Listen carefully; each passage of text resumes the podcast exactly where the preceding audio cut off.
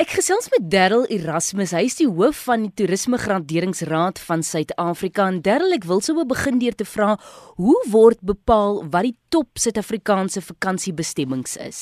Dis 'n moeilike antwoord eintlik om vir jou te gee want ehm um, by die graderingsraad eh, gradeer ons verskillende tipe vakansieplekke en dit wissel van hotelle af ons het selfsorg uh, selfsorgeenhede, ons het gastehuise, bed en ontbytplekkies, selfkaravaan en kamp ehm um, fasiliteite wat ons gradeer. En elke een van hierdie verskillende kategorieë het wel mense wat regtig uitstaan van die res. In die graderingsraad gradeer ons van 1 ster mos regdeur tot 5 ster. Mm. En ek moet ook sê en elke een van daai vlakke al is dit 'n 1 ster, het ons regtig baie goeie kwaliteit in die in die in die produk in Suid-Afrika en daar is wel mense wat uitstaan van die res. So dis moeilik om vir jou 'n uh, antwoord te gee om te sê dit is hierdie presiese hotel of hierdie presiese bed en ontbyt want ons het so baie wat ons gradeer en so baie wat uh, wat, wat beskikbaar is in die land en daar is wel regtig baie hoë vlak van standaarde in die land. En ek is seker die standaard wil altyd verbeter word, so hoe gereeld verander so iets? So ons doen elke jaar 'n gradering by elke een van ons um, establishments, ons noem hulle establishments. Uh mhm. -huh. Maar ons gee ook vir hulle die geleentheid. Kom ons sê ons gradeer hierdie jaar vir 'n klein bed en ontbyt, kom ons sê in die Kaap, 'n 3 ster. Maar wat ons wel doen is, is deur die loop van daai graderingsproses deel ons baie inligting met die eienaars. En die eienaars vat dan daai inligting in die vorm van 'n verslaggie. En in daai verslag verduidelik ons vir hulle presies waar moet hulle dinge doen en verbeter om dalk die volgende vlak te kry, so van die 3 ster na die 4 ster te beweeg. En ons doen hierdie elke jaar. Ehm um, die gradering wat ons wel gee vir die vir die, vir die establishments is net geldig vir 'n jaar. Ehm um, so wat ons eintlik doen is elke jaar gaan ons nou terug en ons gee vir daai verskillende eienaars of bestuurders van die eiendomme die geleentheid om te kyk hoe, hoe doen hulle teen die standaarde en ook basies kyk waar kan hulle verbeter om die volgende vlak te kry in terme van stergradering. So wat is die vereistes dan nou om so 'n lys te haal as ons nou praat van daardie stergraderings? Dis ook 'n baie lang lys. Ehm um, en die lang lys is as gevolg van die hoeveelheid kategorieë wat ons het. Ek het dit verduidelik mos in die begin die hotelle en die bed en ontbyt ja. en ons game lodges en hele paar karavaanparke en al hierdie dinge ja. Presies. En daai het almal hulle eie kategorieë of eie kriteria. Die 1, 2, 3, 4 en 5 ster is almal verskillend. So die 1 ster is altyd maar jou ingangspunt.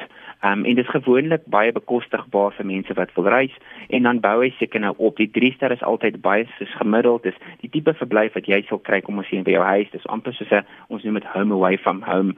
Ehm um, en natuurlik is die 4 en die 5 ster meer jou luxurious tipe produk. So die meer ehm um, luxe goeder wat jy sal kry. En wat gebeur in ons standaarde of ons ehm um, kategorieë?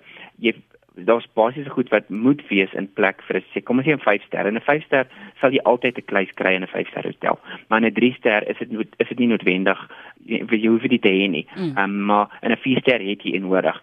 Um, jy sê goeder soos 'n Japon en en ou pantoffeltjies is benodig in 'n 5 ster maar dit is nie noodwendig beskikbaar op benodig in 'n 4 ster so al daai tipe goed ons het hierdie lang lys van al die goeder wat jy moet hê om 'n 5 ster te wees of 'n 4 ster te wees of 'n 3 ster te wees mm. en obviously raak dit bietjie makliker om daai goed te haal hoe minder sterre jy het. Daryl, kom ons gesels gou hier oor 'n ernstige punt. Hoe sou jy sê vaar toerisme in Suid-Afrika en veral ook die 1% BTW heffing? Hoe dit 'n invloed op toerisme gehad? Kom ek antwoord eers die eerste gedeelte van die vraag. Hoe hoe vorder ons en hoe, hoe doen ons as 'n as 'n bedryf? Ons is baie bevoordeel. Ons het uh, oor die 10 miljoen mense wat hiernatoe gereis het um, in 2016-17. Ehm um, en en dit wys vir jou dat mense regtig vir Suid-Afrika wil kom sien en en en en self ehm um, ervaar. In terme van ons standaarde, ek is baie bevoorreg. Ek het regtig baie getravel die hele wêreld vol en ek travel nog ons baie in Afrika en ons gaan help ons um, Afrika um, lande wat saam met ons werk in terme van van kwaliteit en standaarde regkry in hulle verskillende lande. En ek moet sê in Suid-Afrika het ons regtig 'n baie baie goeie standaard daar's min wat jy sal uh, kom ek sê 3 of 'n 4 of 'n 5 ster in 'n Afrika land of wel in Europa en ander plekke wat beter is in terme van standaarde en kwaliteit as wat ons het in Suid-Afrika. Hmm. So in daai terme is ons baie bevoordeel en ons het reg baie baie baie goeie produkbasis om van te verkoop. Um, in terme van die 1% BTW, bekostigbaarheid is maar een van die groot groot dinge in Suid-Afrika. Daar's baie min mense in Suid-Afrika wat kan bekostig om te travel. En dis een ding wat ons saam met die ander mense en die ander spelers in die industrie probeer regmaak. Want ons wil regtig hê dat meer Suid-Afrikaners um, meer kan gaan travel en die reg die die Suid-Afrika wat ons het as 'n land en as 'n volk besit gaan gaan gaan gaan geniet.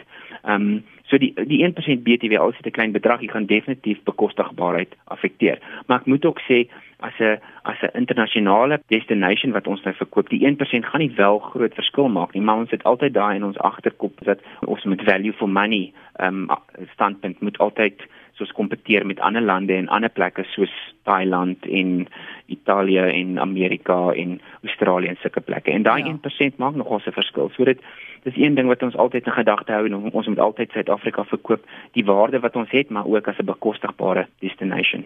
En dit dan Darryl Erasmus, die hoof van Toerisme Graderingsraad van Suid-Afrika. Dankie vir die interessante gesprek, Darryl. Dankie, sou goed gaan.